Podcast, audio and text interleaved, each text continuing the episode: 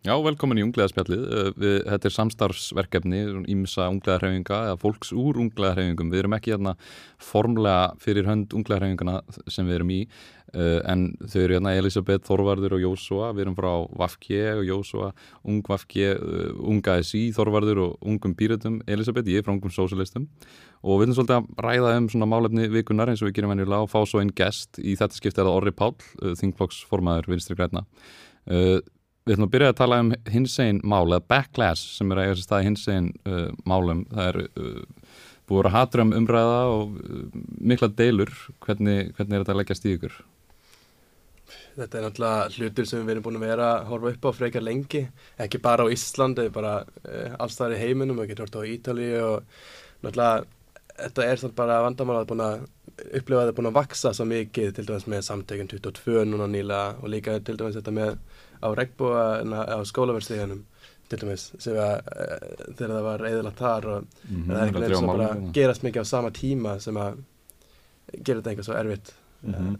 uh, stort allt í hennu En, en skrítin svona orðrað um, um fólki sem er mest á mótus það er svona, það er ímislegt í þessu að, að, að það er náttúrulega bara þessi klassíski þessi klassíska homofóbia á þar framöndu göttunum en svo, svo er svona eins og sko, fólk komið með samsherriskenningar um að það sé verið að reyna að gera börn samkynnið eða verið að reyna að koma með ykkur agenda að er það eitthvað að botni því? Hafið þið eitthvað að tala við fólk sem er að halda svona fram?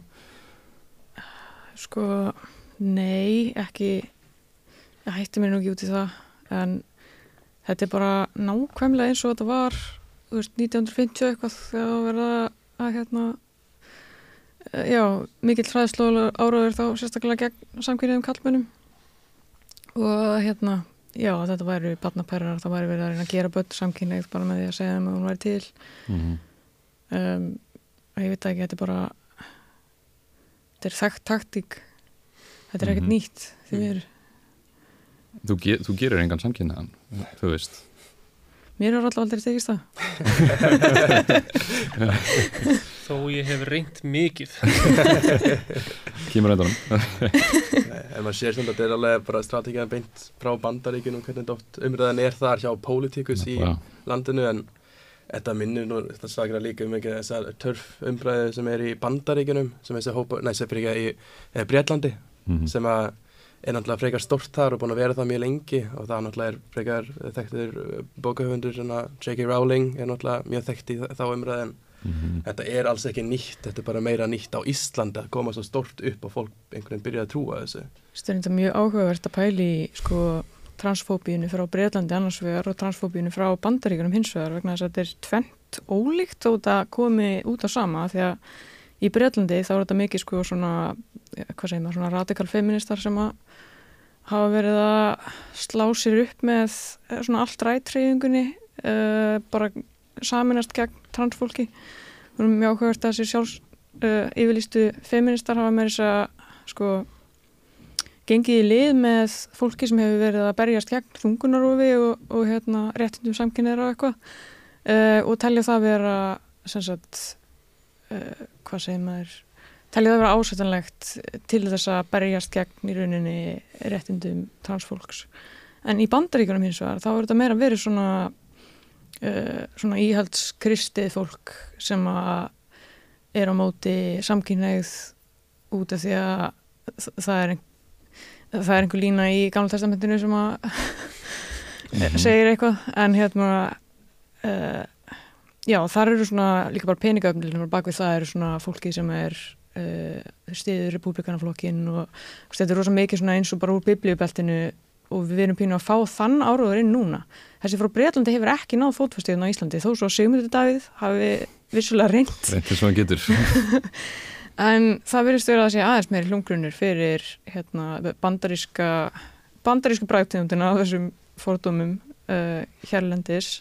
Og það verðist vera að samtökinn 22 séu núna að nýta sér það. Og að því að þau samtök eru búin að vera að hægða sér svolítið eins og sambaril samtök í Breitlandi en eru núna greinilega búin að sjá að það er effektívar að tala um barnanýðinga og að gera börnin samkynnið og, og já að sagt, í rauninni setja sambandsmerki á milli kláms og hinsinleika það er mm. rosa algengt. Og, og það er, er búin mikið ræða, verið að ræða um þarna, þetta nýja og nýlega kynfræðslu efni sem er fyrir uh, grunnskólakrakka og, og við erum nú búin að skoða þetta, þetta nýja námsefni og fólk vil meina að þarna sé klám hreinlega og verið að þarna, uh, svona kynvæða börnin einhvern veginn sem er náttúrulega bara uh, alls ekki það sem er verið að gera. Heldur er verið að breyðast við bara nýjum aðstæðum þar sem að krakkanir eru tengtir á neti daginn inn og daginn út, komast í allt og, og það var nú einhver sérfræðingur í þessu að, að tala um þetta og sagði að tíu ára börn eru bara öll búin að sjá klám á netinu. Og, og þetta kennslefni sem við skoðum sem að margir eru í uppnámi yfir uh, er einfallega að breyðast við því og, og svona leiðbeina krökkunum. Það er mjög bara nöðsynlegt að, að það sé gert. Ég held að bann sem er búið að fá kynfræðslu sem að getur nefnt þessa hluti, uh, veit eitthvað smá um það hvað er í gangi, það sé miklu betur í stakk búið uh, til þess að veist, sjá klám og bara veist, verði ekki fyrir einhvers konar áfalli eða óþægndum veist, og líka bara að það, það allavega skammast sín minna er líklega kannski til þess að segja frá eða já, mhm. einhvern veginn Það var áhugavert að þau segja sko, þau sem eru á mótið svo mikið að þau segja að þarna sé verið sko að, að grúma og þetta er mikið komið úr bandaríkjanum finnst manni að, að það er umræðan þannig sko að það sé verið að flytja inn einhver, einhver svona uh, sko pítofíliskan uh, grúming áráður þú veist og, en, en þegar raunin er að fræðsleifni fer í það að leiðbena krökkum hvernig þú átt að kannast við grúming og þannig. Eða það er verið að beita kynferðslega ofbildi að þau, þau, þau læra í gegnum þetta efni hvernig á að segja frá því og hvernig á að kannast við svona ofbildi Já, kannski, ég hugsa stundum sko, kannski er þetta ákveðnu leiti svona uh, óumflíjanlegur núningur svona samfélagslegur núningur uh, svona í einangrun þá myndi fólk kannski vera með mismöndi hugmyndir um hvena sé viðeigandi að fræða krakka um um, klám og kynlíf og þannig og en síðan sko lifum við í raunveruleika þar sem að við gerum ráð fyrir því að krakkarnir komast í snertingu við klám á kannski pínu óljósum aldri en mm -hmm. maður er kannski með einhverja grófar hugmyndir um hvenar og og þá fara sumir að hugsa að það er þá viðeigandi að flýta þessu til þess að tækla þetta vandamál á meðan aðrir hefðu kannski vilja að þetta færi miklu setna og þá, bara, þá enda maður bara í núningi og sem að held ég bara verður síðan bara ljótur með tímanum. Og ég spurning hvernig er hægt að díla við það og, og þetta er klárlega kannski svona debate sem ætti að eiga sér stað eða umræða veist, og, og, og rannsóknir og prófið áfram og annað. En, en fólki sem er mest á mótu þessu það er ekki að byggja á raunveruleikanum finnst manni. Þetta og er sko tekur þetta algjörlega úr samhengi sko. Veist, það feð bara alveg út í endan og segir að hérna séu sko ég hef heyrt allan ofta á Facebook og, víðar sko að hérna þetta sé bara eitthvað globalist agenda sko að flytja inn uh, pedofílisk grooming, þú veist þau fara allavega þanga í staðin fyrir svona að, að, að skoða þetta og hugsa hvað er, hvað er í gangi, hvað eru mentastofnunar að segja og við kynum rætt það Þetta er náttúrulega svo kallar moral panik mm. virðist vera í gangi en það er erfitt að fá tilfinningu fyrir því hversu uh, mikið af fólki er að taka undir þetta vegna þess að veist, þessir sem eru mest herskáir kannski allavega maður færa tilfinningar en þetta séu bara örfáir einstaklingar sem eru um, ég veit ekki að upplifa einhverja rosalega sterkar hæðslu sem bara yfirskrifar hæfnið þeirra til þess að hugsa gaggrinnið mm -hmm. um en svo eru þetta einhverjir sem að lesa bara það sem þeir skrifa og verða ágifullir, eru kannski búin að sjá fræðsleifnið og maður hefur allavega heirt svolítið frá því að það sé eitthvað fólk að núti sem að ætti að vita betur sem að er að dreifa einhverjum svona póstum. Um, veist, það er sem þetta fólk sem að uh, einmitt finnst kannski ekkert geggjað að við séum að fræða börnum kynlíf geggjað ung og eitthvað, ég held að við getum alltaf verið saman um það að það væri nú ítið að ef börn væru ekki að sjá klám tíu ára gömul. Mm -hmm. en við bara búum í þannig landslega að það er frekar erfitt að koma í vegfyrir það í flestum tilvíkum Það er að gera það kannski að það verður kannski svo erfitt að díla við þetta því að þú veist fólki er í grunninn tilfinningaverur ekki svona rauksemdar töluverur, við erum ekki sem partur af öðrum brandara, við erum ekki homo economicus Mhm. Þannig verður hérna- þannig að, þannig að svona upplifun hefur miklu meira vægi heldur en veist öll þau, öll þau fjandans rauk sem þú getur komið með Mhm. þannig að þetta er held ég bara þetta er kannski bara eitthvað sem svona fyrir að læja með tímanum en kannski er það bara nöðsynlegu hlutur að þetta sé svolítið bara mikið í deglunni uh, í einhvern smá tíma. Ég held samt líka að þótt að þetta er alveg vandamál hvað fólk er að trúa þessu þá er þetta mjög hávæður minniluti sem að ofta er með svona mál. Eh, þá vonandi er þetta ekki neitt sem vara lengi en maður veit aldrei með svona mál sann. Nei, þetta er alltaf hættulegt. Og mér lukulega sýnist að fólk sé að hópa saman og koma út og segja stöndum í fjölbreytileikanum og, og na, engan hattur, þú veist, er að, er að drefa myndunum koma út, ég, ég trú ekki að þetta haldi eitthvað mikið áfram á, á Íslandi. Nei, maður vonar ekki, maður veit aldrei, maður þarf alltaf að passa sig á því. En alltaf, allavega, ég veit ekki, tilvikum kynfræslunar þá hef ég nú trúið því að, að hérna, það muni, já, þetta er bara svona stormur í vasklasi held ég, mm -hmm.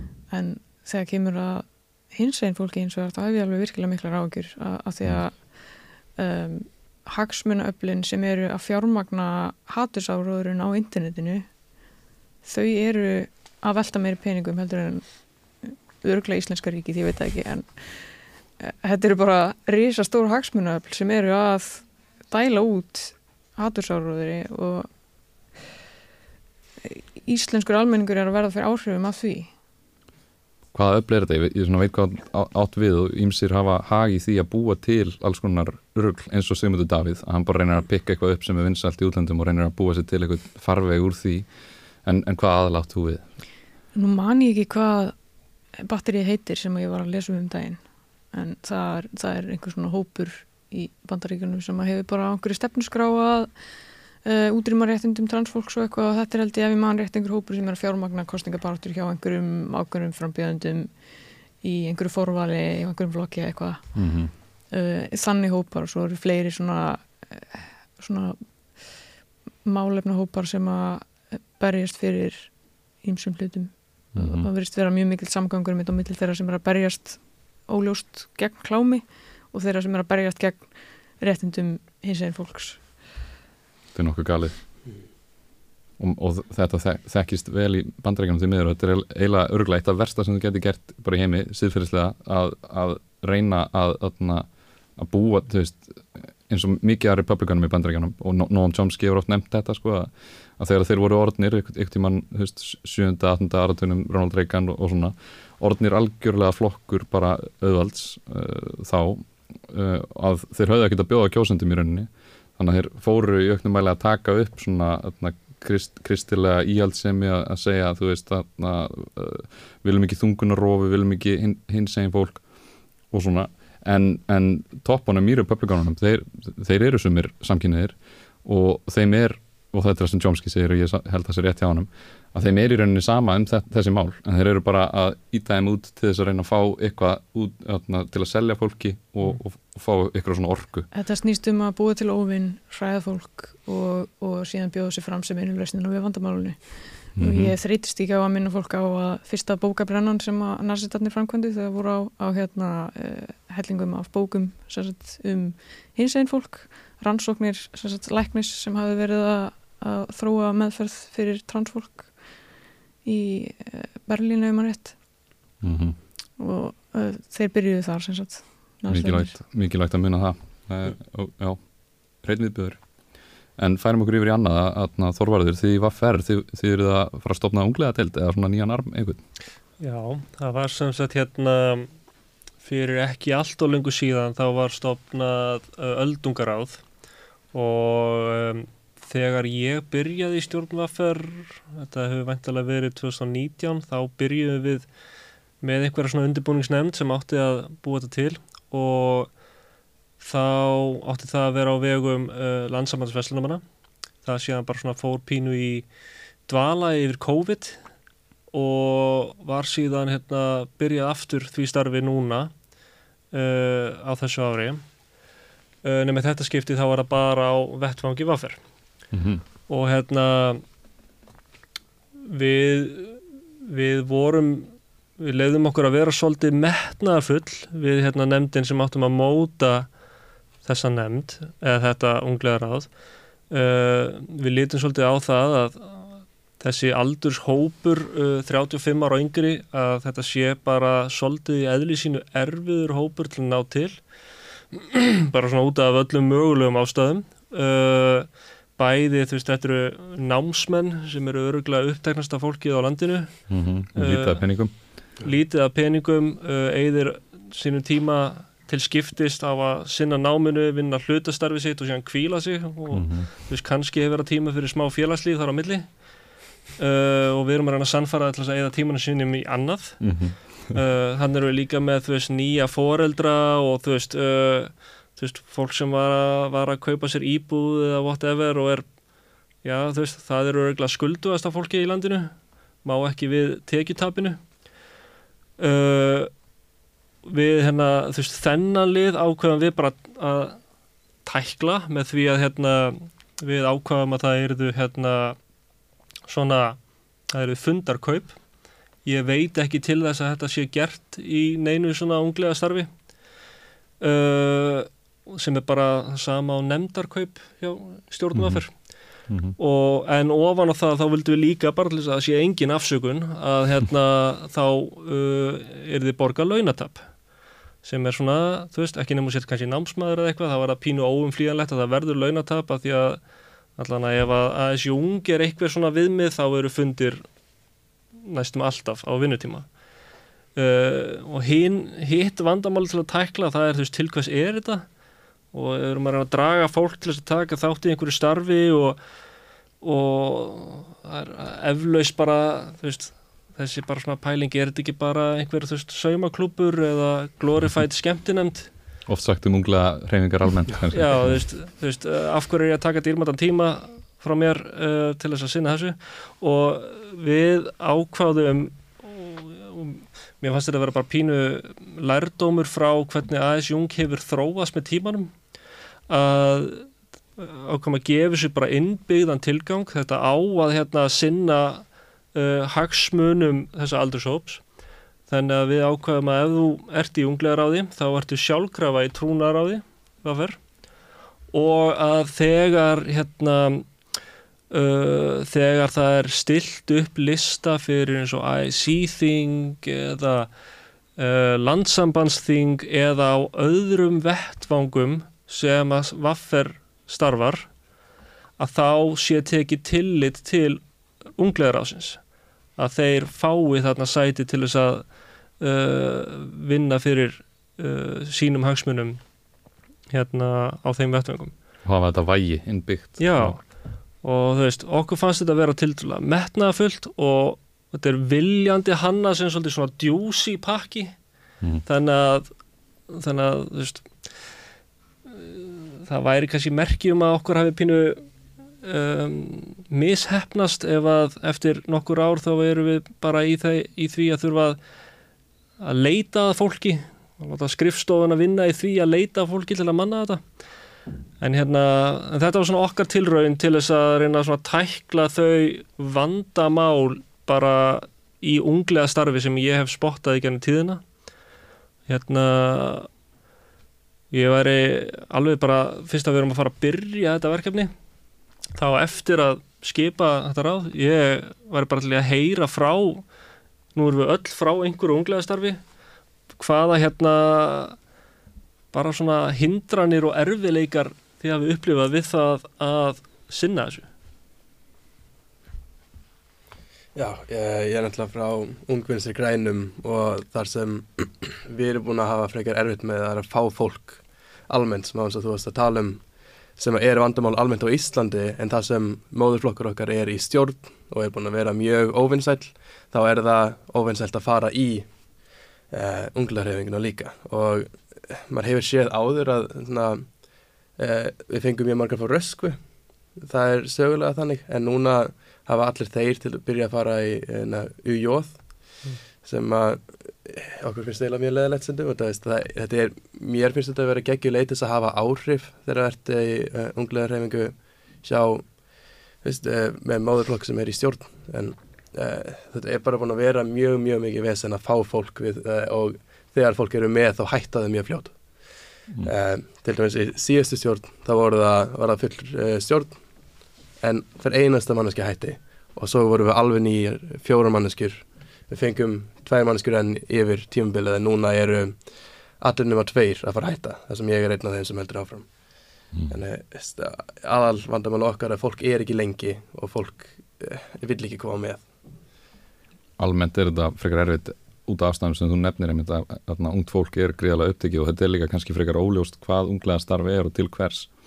Og mörg þessar hreyfinga og ég myndi mér að allar unglega hreyfingar stjórnmálaflokkana uh, sem við erum frá segja að þau standi fyrir og berist fyrir, beiti sig fyrir hagsmunum unga fólksins en, en svo einmitt eru ekki margir atna, sem mæta eindilega það er bara, það er mjög mikið að gera hjá flestum og atna, við töluðum um hérna fyrir útsendingu að það er svona, þú segði það Þorvarður að það er stöðu tilvist að kreppa hjá unglega hreyfingum mörgum og þetta held ég að sem mjög rétt, ég, ég var í ungum pýrutum langan tíma áður en að sósjálistar komu á, á, á farvegin og svo hefum við verið í ungum sósjálistum og þetta er bara svona, það er ekkit rosalega margir sem mæta alltaf stundum með meiri virkni, meiri orka og fenn alltaf eftir vinsaldum flokkana og annað. Uh, en þarna það fær bara eftir hvað fólk vil gera sem, sem mætir á það, oft kjarnan. Já, ég get alltaf að svara fyrir unga pírata að ég var nú einn af þeim sem stopnaði uh, já, ungleirreifinguna á sín tíma 2013 og við vorum bara nokkur sem voru meila að halda þessu uppi. Svo er búin að vera alveg einhver virkni síðan um, en þannig að dætti mikið niður í COVID og svona. Mm -hmm. og verið pínu erfitt að ná þessu á skrið aftur. Og hérna uh, mér finnst vera allavega svona uh, þú veist, í, á þeim tímabiljum sem ég hef verið að taka þátt að þá hefur mikið vandamál við mitt að, að fólk kemur og þú veist, svo hættir fólki í stjórninni því fólk er bara reynilega ekki að höndla álægið að vera í, í stjórn uh, unglega reyningar meðfram lífinu því mm -hmm. það er mhm. bara svo ógeðslega mikið álag á ungu fólki í dag og ég held að það sé alltaf aukast það er mín tilfinning bara með stýtingu framhaldsskólans og bara ég veit ekki það er eins og sé alltaf bara meira og meira og meira og meira að gera Það var sömur svona félagsvísindamenn og talaðan um það að, að svona, þessi kersla á þetta austerity politíkin sko, og, og hvað okkur er haldið í hamstrahjólunum sko, þetta sé nánast hannað til, til þess að við höfum ekki tíma og sögurum andrými til þess að taka þátt í hagsmunabaratu gegnum þessi stjórnmálaflokka verkefælisfélög eða hagsmunarhefingar en, en þarna maður vona bara meðvutund aukist að því að ef að fólk mætir inn í þessi batteri og ekki bara unglegarhefingarnar þetta og við bara almennt að mætir inn í verkefælisfélögina eða inn í flokkina það hefur áhrif en það, það tekur vinnu. Ég held einmitt sko að það væri öruglega hægt að segja að hérna það sem að uh, sjálfstæðisflokkurinn og þú veist gömlu kommunistaflokkandinn hafi verið sammálum þá hefur það öruglega verið það að unglega reyfing sé mikilvæg. Bara til þess að stuðlaða endur nýjunu flokknum og halda honum sterkum og öflugum. Og ég, veist, það ávæntilega bara við um öll svona félagsstörf sem að hérna uh, eins og veist, það er eiginlega bara bara svona ongoing brandari að veist, hver sem er sem hefur starfað einhvað innan verkarísreifingarnar hefur tekið eftir hvers hvað meðalaldurinn er hár mm -hmm. um, til dæmis hérna, nú þóri ég ekki lengur að fara með það hver meðalaldurinn er í miðstjórn ASI en hann er uh, mjög gammal og hérna uh, í miðstjórn er engin undir 35 en þeir sem eru 35 og yngri eru helmingur á öllu félagsfólki wow, undir wow. ASI félagunum uh, þetta er helmingur félagsmanna sem á sér engan svona fulltrúa sem að er að upplifa það sam og þau þetta, þú veist útkoman þessu sást til dæmis mjög vel í þegar hérna fæðinguróláfslögin voru uppverð senast að þá var algjörlega hugmyndafræðilegur munur á miðstjórn ASI og ASI Ung uh, þar sem að, já, mið, miðstjórn þeir vildu nota fæðinguróláf sem jöfnunatæki á meðan ASI Ung svona aldurinn á fólkinu sem er að fara að taka fæðingarólofið, þeir vildu nota þetta sem velferðartæki uh, og þú veist ófáir aðilar sem að ég þekki sem að, að, sem að í fæðingarólofinu sínu þurftu að þú veist vinna svart og alls konar þenni bara til þess að ná endum saman mm. þannig að hérna þannig að þetta var svona þetta er kannski svona dæmi þar sem að uh, fólk um, sem var komið yfir þann aldur að þurfa að nýta sér fæðingarólofið gáttu hugsa um þetta engöngu á hugmyndafræðilegum grunni og hugsaði að hérna að svo kynnslóð sem er núna að fara að taka fæðingarólof þarf að taka á sig höggið til þess að vonandi setna meir þá muni kynnslóði framtíðarinnar hafa það betra mm -hmm. og hérna veist, ákvarðunin kannski breytist þegar uh, fólki sem á að taka afleðingunum ef það fengi að taka þátt í ákvarðuninni Ganski er þetta eitt af mikilvægast allana við unglega hrengunar að það sé svona samtala á milli kynnslóðana og að þeirra hagsmunir séu teknir inn. Því að ef þú ert með miðstjórnina einmitt og þau eru öll yfir 35 og þá hafa þau ekki upplifað raunveruleikan sem að, að fólk undir 35 er, hefur verið að upplifa. Já, Já einmitt, þetta er allt annar heimur núna heldur en þegar þau voru á okkar aldri.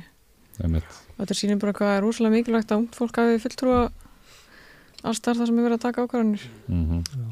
Þess vegna held ég að mikilvægast að vinna nokkar sem Uh, unglega, uh, í unglega starfiði er að vinna að að við fáum að vera eh, stærri partur á þessu að taka þátt. Það er alltaf mikilvægast að ef við fáum uh, að taka meira þátt í mennari pólitík þá er léttara fyrir unglega að hafa áhrif og að fá rína, sína rödd. Heyrða alveg saman hvort að ekki endilega alltaf breytir einhverju þá vita þau að þetta er til skilja sjónaröfnum betur. 100% uh, Mér langar svolítið að fjalla um fjárlögin en, en við kannski, öðna orripalli komin þannig að við kannski fáum að brenn og, og, og sjá hvað sittur Já.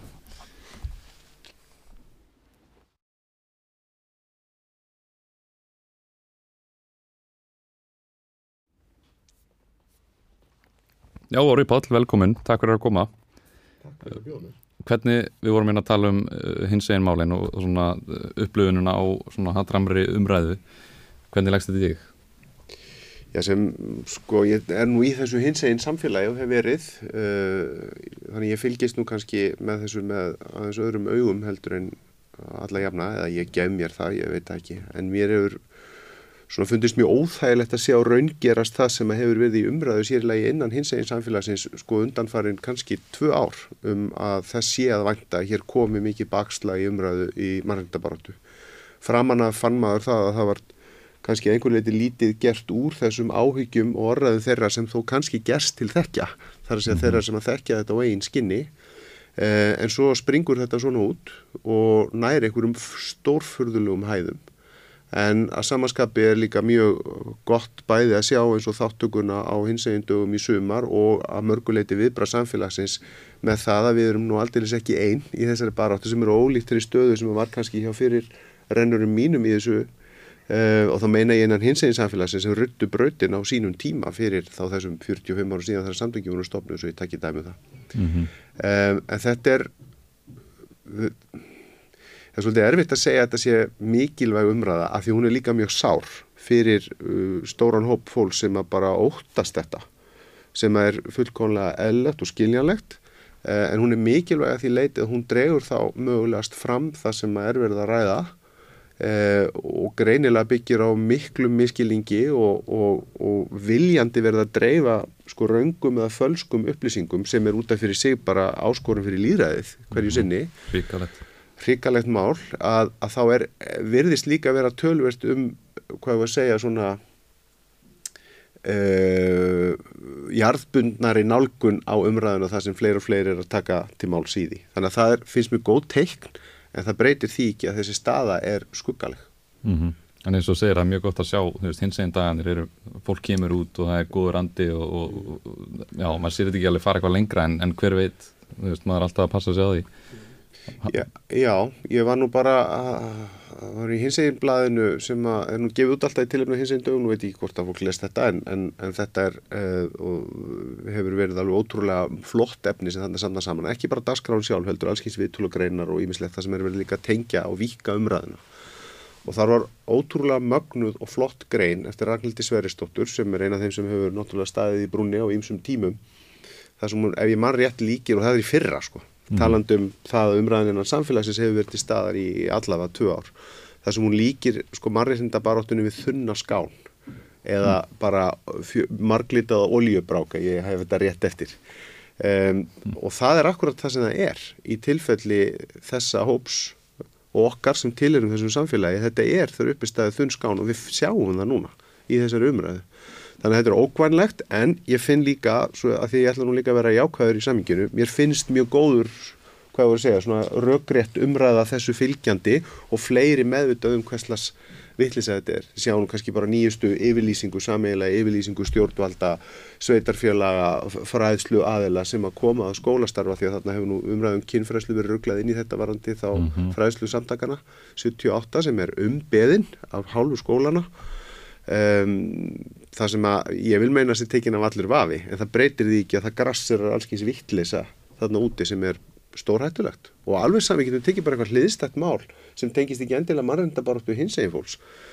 Uh, og þetta kannski sínir okkur hvað þetta getur gest hratt að bara á einni helgi eða hvaða nú er sko að þá verður umræðan stórrugluð. Og það er heilmikil vinna að afrugla þetta sko maður tók eftir því kannski sérstaklega með svona þessa kynfræðslu að það, það var svolítið að fara eins og það væri eldur að kveikna í sinu. Þú veist, margir voru svona byrjaðar að taka undir sem að, maður þekkir og, og veit að er, er ekki atna, uh, mjög fordómafull en þetta einhvern veginn er, var að ná einhverju hald, haldi. En lukkulega er búið að atna, svara þessu alveg rækilega og, og eins og við vorum að nefna í náðan að þá er þetta hávær minnuluti sem er að tala mikið um þetta og er, er svona hatramur gegn þessu uh, en við kannski færum okkur aðeins yfir í annað. Varst þú í, í unglegarhengu? Sko nei, nei, ég var ekki í unglegarhengu um, ég bæði svo, ef, ef bara með vísan til til dæmis eins og samtakana 78 að við tekið virkan þátt í því starfi uh, eins og ég hef getað. Þú hefur nú aldrei verið í einhverju stjórn. Ég var nú til dæmis einu svona fræðari í, í svona hinsegin fræðsluðin í framhalskólum það fyrir mjög löngu síðan.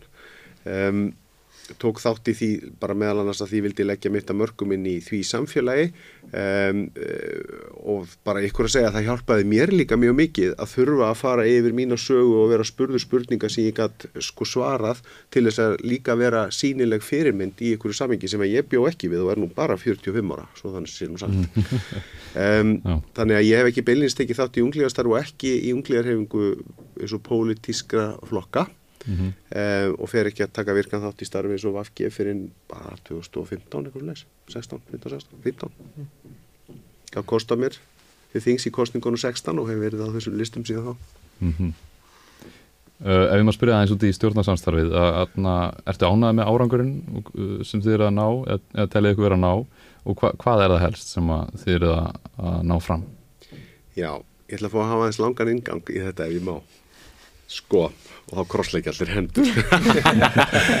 sko, um, maður það kannski aðeins líka, og ég ætla að fá að lega mér að gera það aðeins að því að í samingi hlutana að þá hefur þetta séð þá þróun í hennum vestræna heimi að það fjölgar þessum flokkum á hennum pólitíska sviði.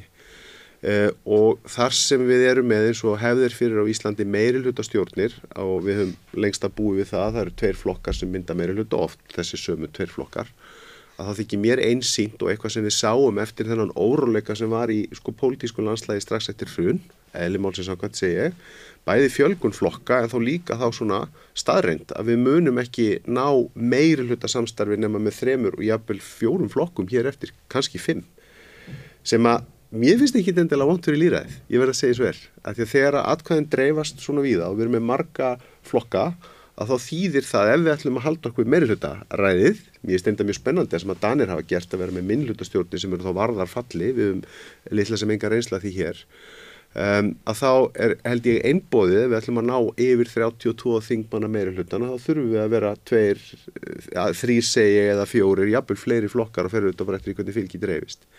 Það er staðan 2017 þegar er kosið, það er ekki hægt að mynda meiri hluta á Íslandi með tveimur flokkum umræðan verður þessi, þetta verður að vera þrýr eða fleiri og ég veit ekki hvort einhver rekum minni til þess en það fór allir á aftilappinnar það verður ekki hægt og það gengur ekkit upp og við þekkjum það ekki og eitthvað.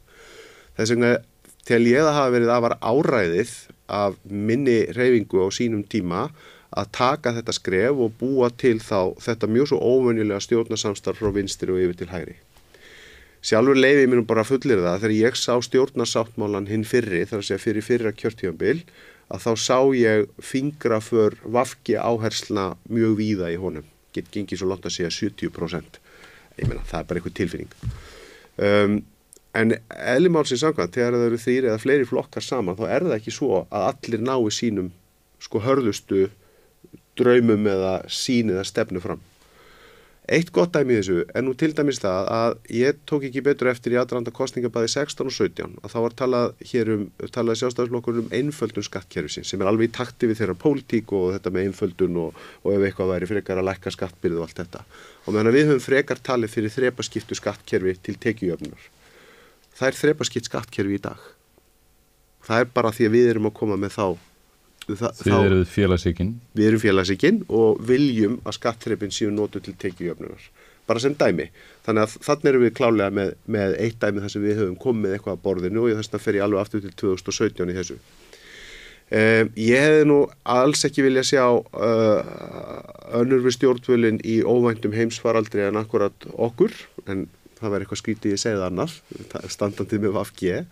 Ég held að við höfum tekið á þeim málum að mikilli farsælt og gert það rétt og komið vel út úr þeim árangri eða út úr þeim faraldi segir með góðum árangri. Um, sem dæmi. En nú eins og hefur auðvitað verið tölvert í umræðinni að þá kannski og er það ekkert óeðlilegt þegar þú ert með minnstur þryggja og eða hugsanlega í framtíðin í fjögur á flokka að þá fyrir að bera á mismunandi áherslum innan flokkana um, og að því þú spurðu hvort ég væri ánað með stjórnarsanstóru við teldum okkur árangri þá segir ég já það finnst mér við verið að gera eh, og tvímannlöst meira árangri ef við sætum ekki við borðið. Því að það er staðan í meirlutaræði. Þú hefur árangur getur haft að áhrif og þróunmála þú situr úr borðið en þú hefur það ekki eða þú ert til er í minnlutaði þinginu. Þú getur sagt ímislegt en það er afar lítil, lítil áhrif sem þú hefur. En þú getur sannlega dreyið pólitískar breytur og pólitíska afstöð og pólitíska sín og í því samingi líka mjög áhugavert að hlusta á fórustum með stjórnaranstöðunar þessa dagana, ég veit ekki hvort það fylgist allir með stefnuræðin í gær, hvað er sagt og hvað er ekki sagt. Nú tala Katrín eins og sem á leiðin í hérna, aukna velferð og hér hafi fólk eiginlega valla haft það bet, betra bara fyrir það síðar nánast hljómastundin þannig hvernig hún er að tala. En svo í nýju fjárlegunum og þá, þá hérna, er tekjur írnun fyrir örkja og allir lífeyris þega mm og þess vegna spyr ég mig sko að já, þú veist, við þurfum þetta atna, samstarfa millir ólíkra politískra hrefinga og við búum til stjórnarsáttmála sem við komumst að einhverju niðurstöðu og svona, mm. en, en hver ræður síðan? Veist, hvaða hagsmunir fara ofar? Og ég gef Svandísu kredit fyrir það hún, og, og í COVID að hún stóð sér vel sem helbreyðsraðara, en óanæðin sem skapaðist í hruninu kom fyrst og fremst út frá því að fjármálaöfl, spilt fjármálaöfl, tröllriðu hérna öllu og spillingin var gríðaleg og finnst þér að við séum farin frá því? Það er að segja, ef þú ert að líka saman viðbröðum samfélagsins við annars verður heimsfaraldri eða stjórnvalda versus hrunið 2009-13 eða þá, þá ríkistjórn og viðbröðin þeirri ríkistjórn, þetta meina það?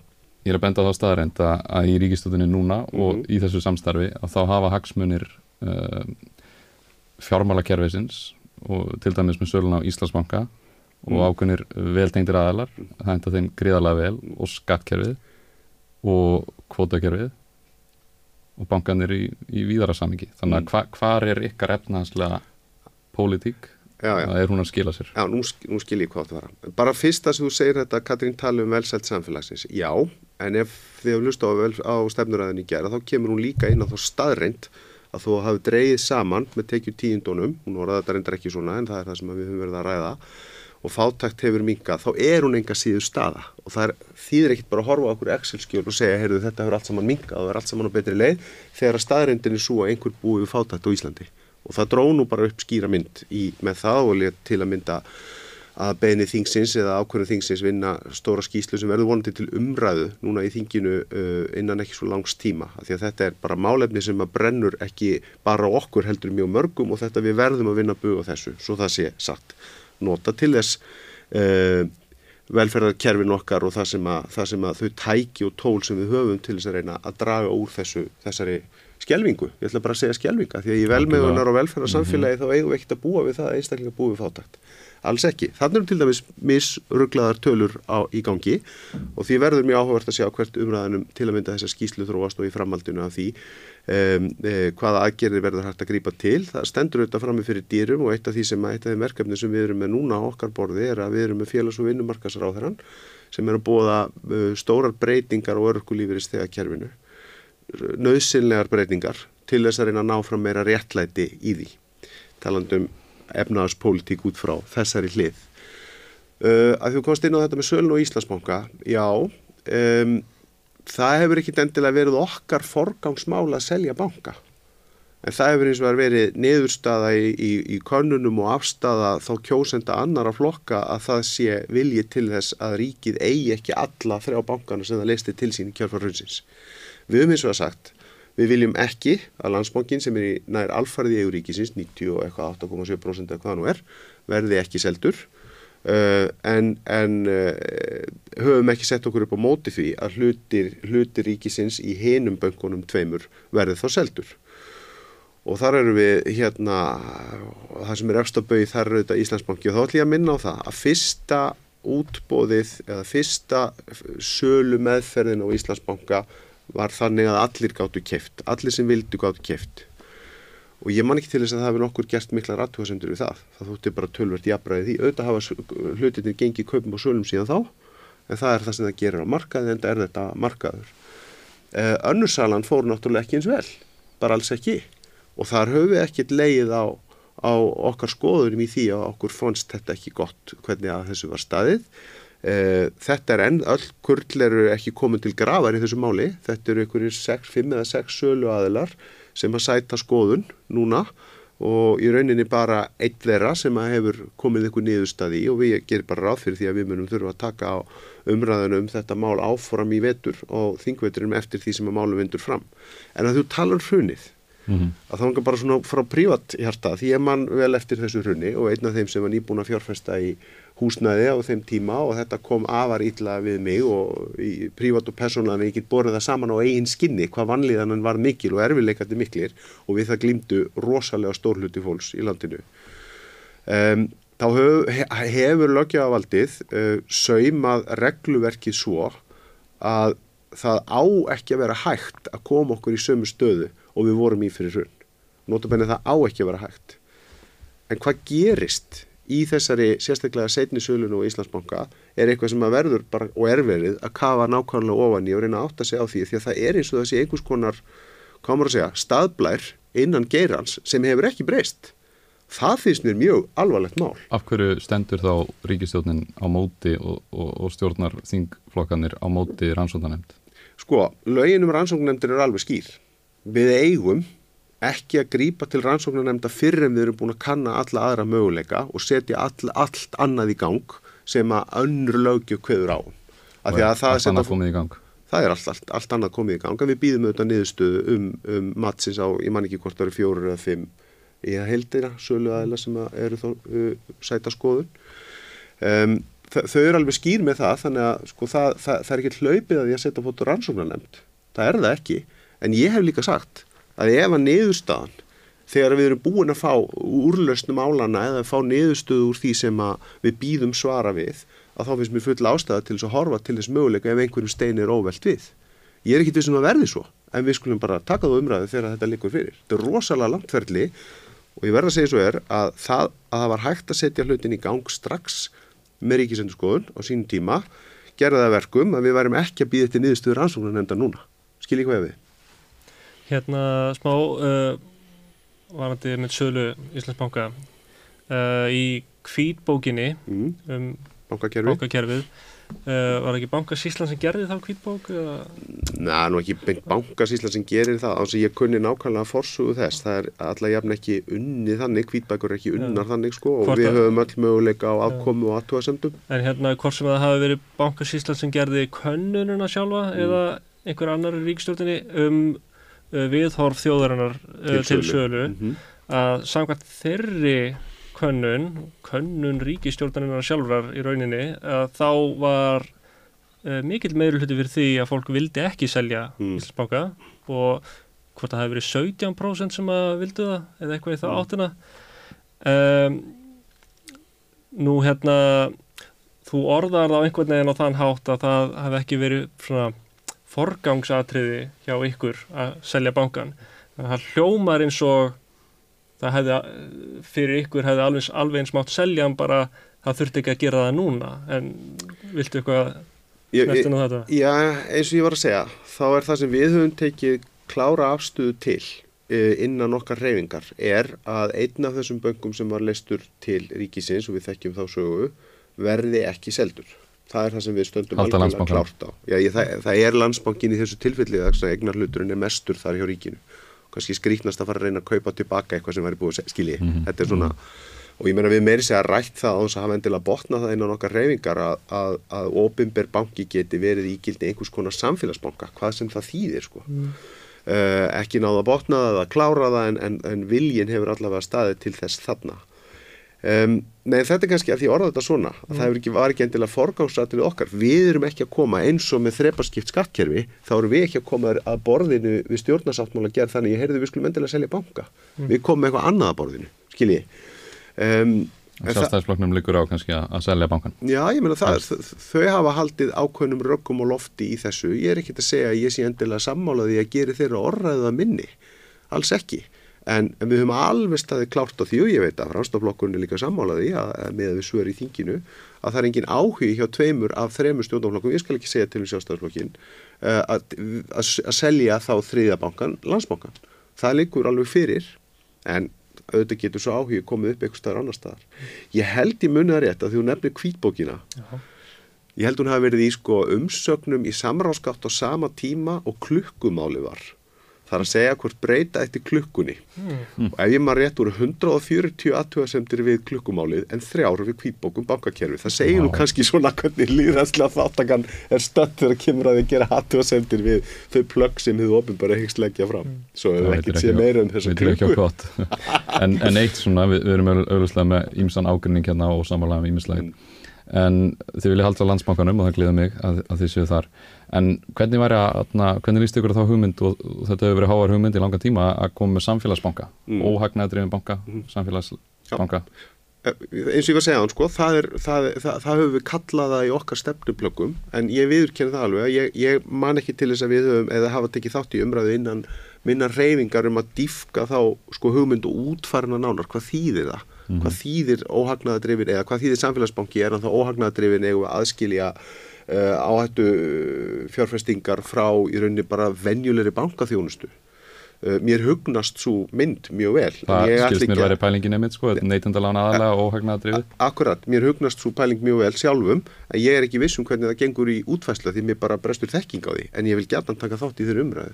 Mm. af því að ég, ég, ég aðhellist þá skoðun sjálfur Íljósið þess að ég var að vísa þetta til aðan að við vorum bara mjög mörg sem fórum mjög ílla út úr þessu ruggli hérna á sínum tíma.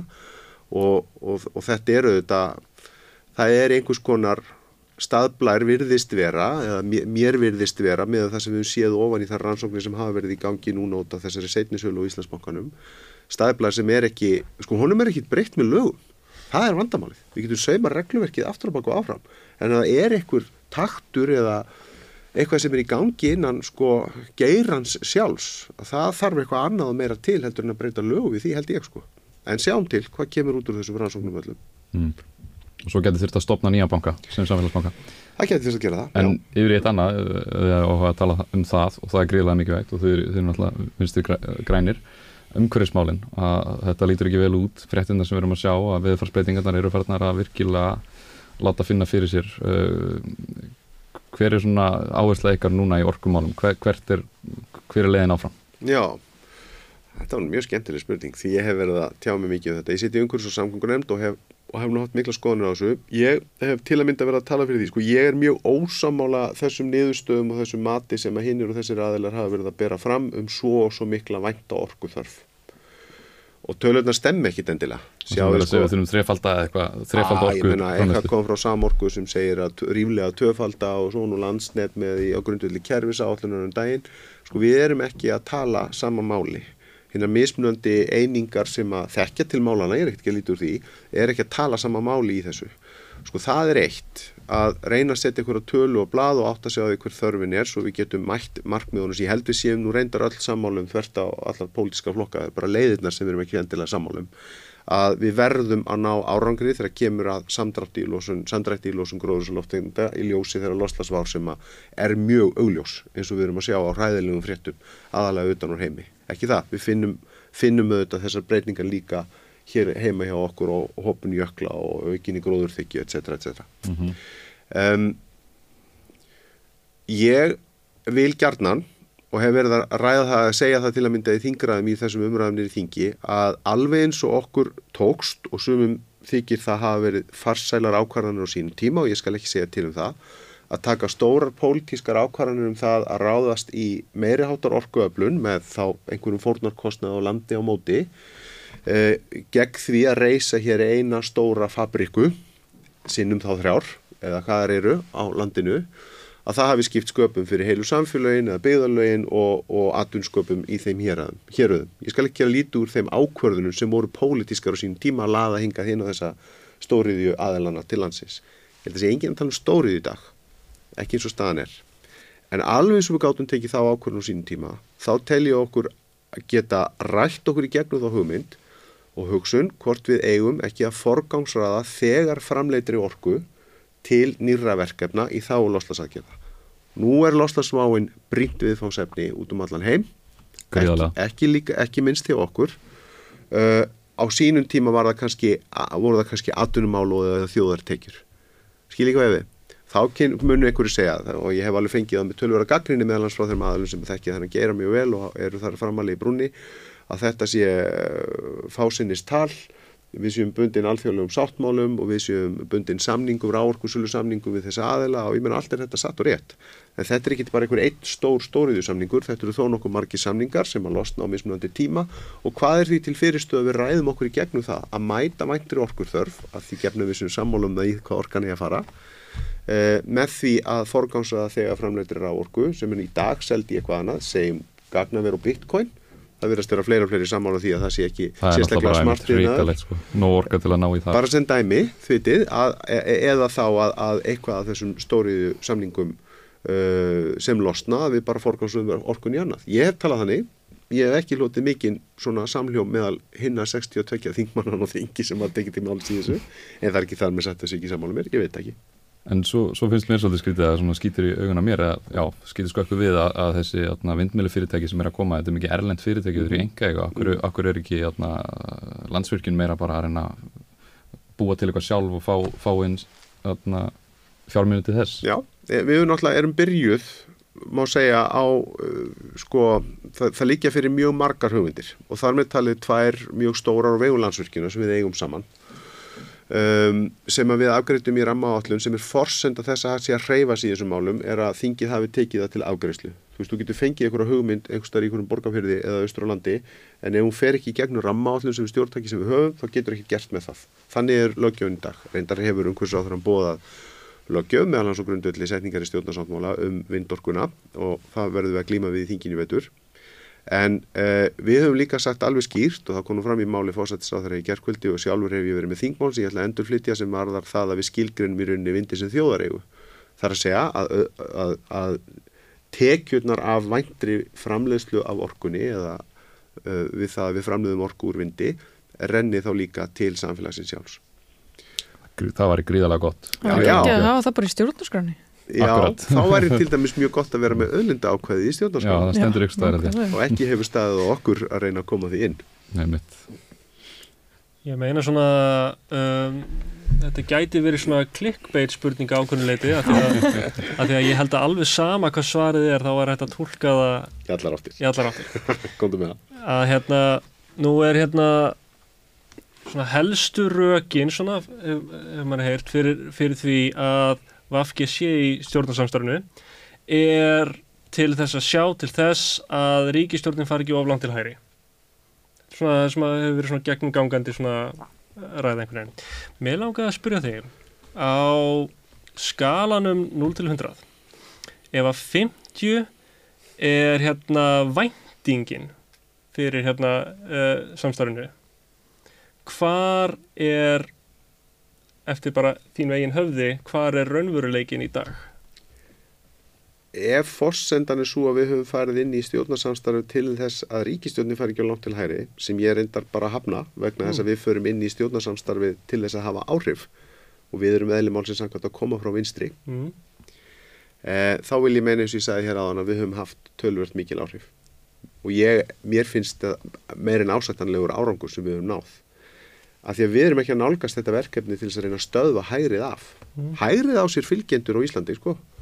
ég er ekki einn aðeins en við erum hins vegar þáttakendur í samstarfi þar sem uh, er verið að reyna að leiða til líkt á milli þá þarna þryggjaflokka sem að dekka allt spektrumið, allt litrófið í pólitíkinni mál okkur hefur tekist það bara farsælega Fátækt fólk er ennþá að býða til réttlæti fórnarkostnæðurinn ásættanlegur? Finnst mér Fórnarkostnæðurinn við þessa stjórn vera ásættanlegur? Í hvernig mælur er fórnarkostnæðin?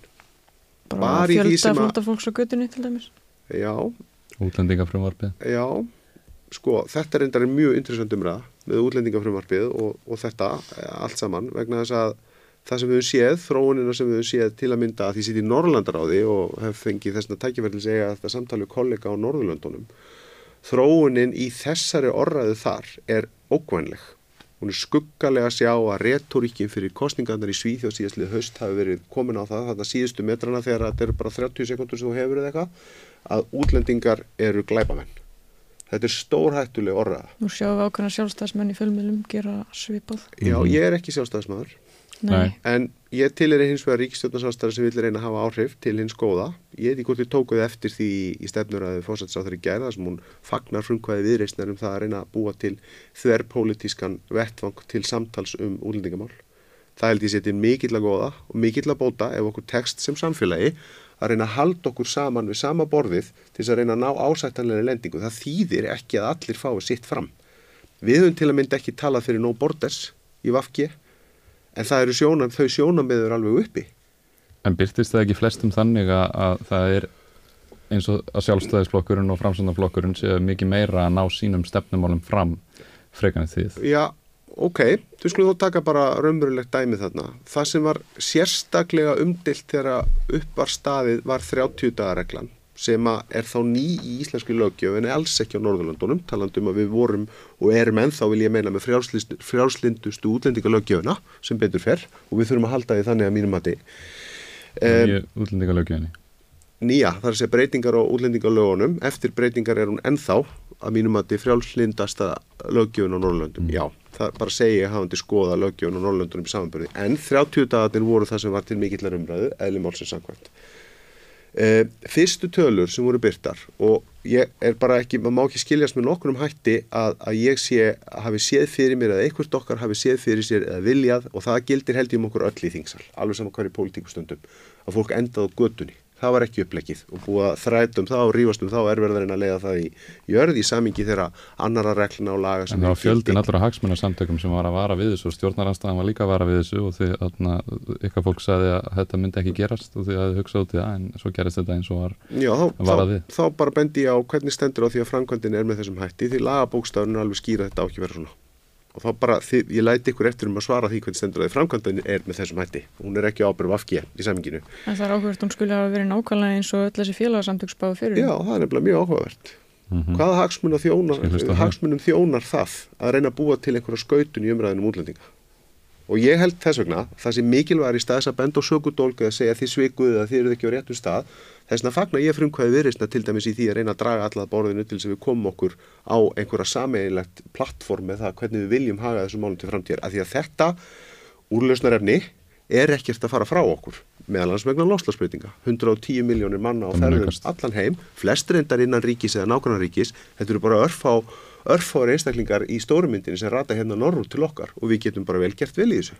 Það hefur verið mín skoðun og okkar skoðun í Vafki. En ég ætla bara að taka þetta dæmi, ég má loka mm -hmm. þessu. Þegar, framkvæmdin á lögunum fer að stað eftir gildistöku þeirra fyrsta júli og ég er að gaggrina hana, ég hef ekki verið sáttur við framkvæmdin og verið fleiri þeirra skoðunar veit ég. Að þá eru byrtar tölur og þær hafa nú ekki alltaf allar verið réttar í öllu samingi en, en þessi í þessu samingi snýrist þetta um það að á grundvelli nýbreyttra laga þá snýst þetta um 200 manns sem ekki Eh, eru búin að fá neitun og tveimur stjórnsýslustegum og eru þess vegna ekki lögmættri dvöl á Íslandi eftir 30 dag, muniði þessar umræður. Það sem fólk kannski minna fyrir var að 75% af þessum 200, þar sé 150 manns, uh, fjallu undir undanþáur frá 30 dagar reglunni. Það eru undanþáur sem við til dæmis treyðum inn í lögjöfuna, talandum að hafa áhrif.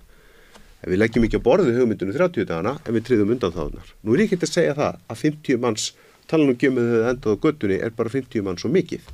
En þetta takast líka bara ólík sjónamið. Ég ger mér fulla grein fyrir því og við vitum það alveg að það eru tilfell og dæmið þá Ísland er ekki deitt í þeirri stöðu að það eru einstaklingar sem hreinlega bara get ekki farið. Þá hefur mótleik, mótleikurinn í því til að mynda verið einhverjar lokaðar mögulegar búðir eða eitthvað sem að sum Norðurlöndin hafa gerir, Danur með það þrískipt til dæmis. Uh, við höfum ekki, okkur hefur ekki hugnast það til dæmis. Þannig að þetta, þetta verkefni fer ekki neitt, ekki frá neinum í pólitík, það er líka áhugavert að horfa til þeirra sem tjá sig eiginlega ekkert um þetta, svo það sé sagt. Um, fer ekkert frá okkur og ég bara ítrekka sem ég segi, mér finnst þetta mjög flott skref hjá Þorgerði formanni viðristnar að, að uh, koma með þessu hugmyndum að reyna að draga sem flesta að borðin í þessu. Ég held að þessi eina leiðin til þess að við reynum að draga úr skautuninni og fullirðingunum í allar áttir hvar sem við stöndum. Það verður að breyðast rætt við og það verður að hjálpa fólkinu núna sérstaklega sem er algjörlega úræða laust og út á götu og, og það eru fleiri að koma þannig að já, við viljum skjót viðbröðu, við viljum að eitthvað sé gert strax. Orri Páll, takk hérlega fyrir að koma til okkur í unglega spjallið eiga í hérna, heiðarlegu og, og opinskáðu samtali og þið góður áhendur og hlustendur, takk hérlega fyrir. Takk sem leiðis. Takk.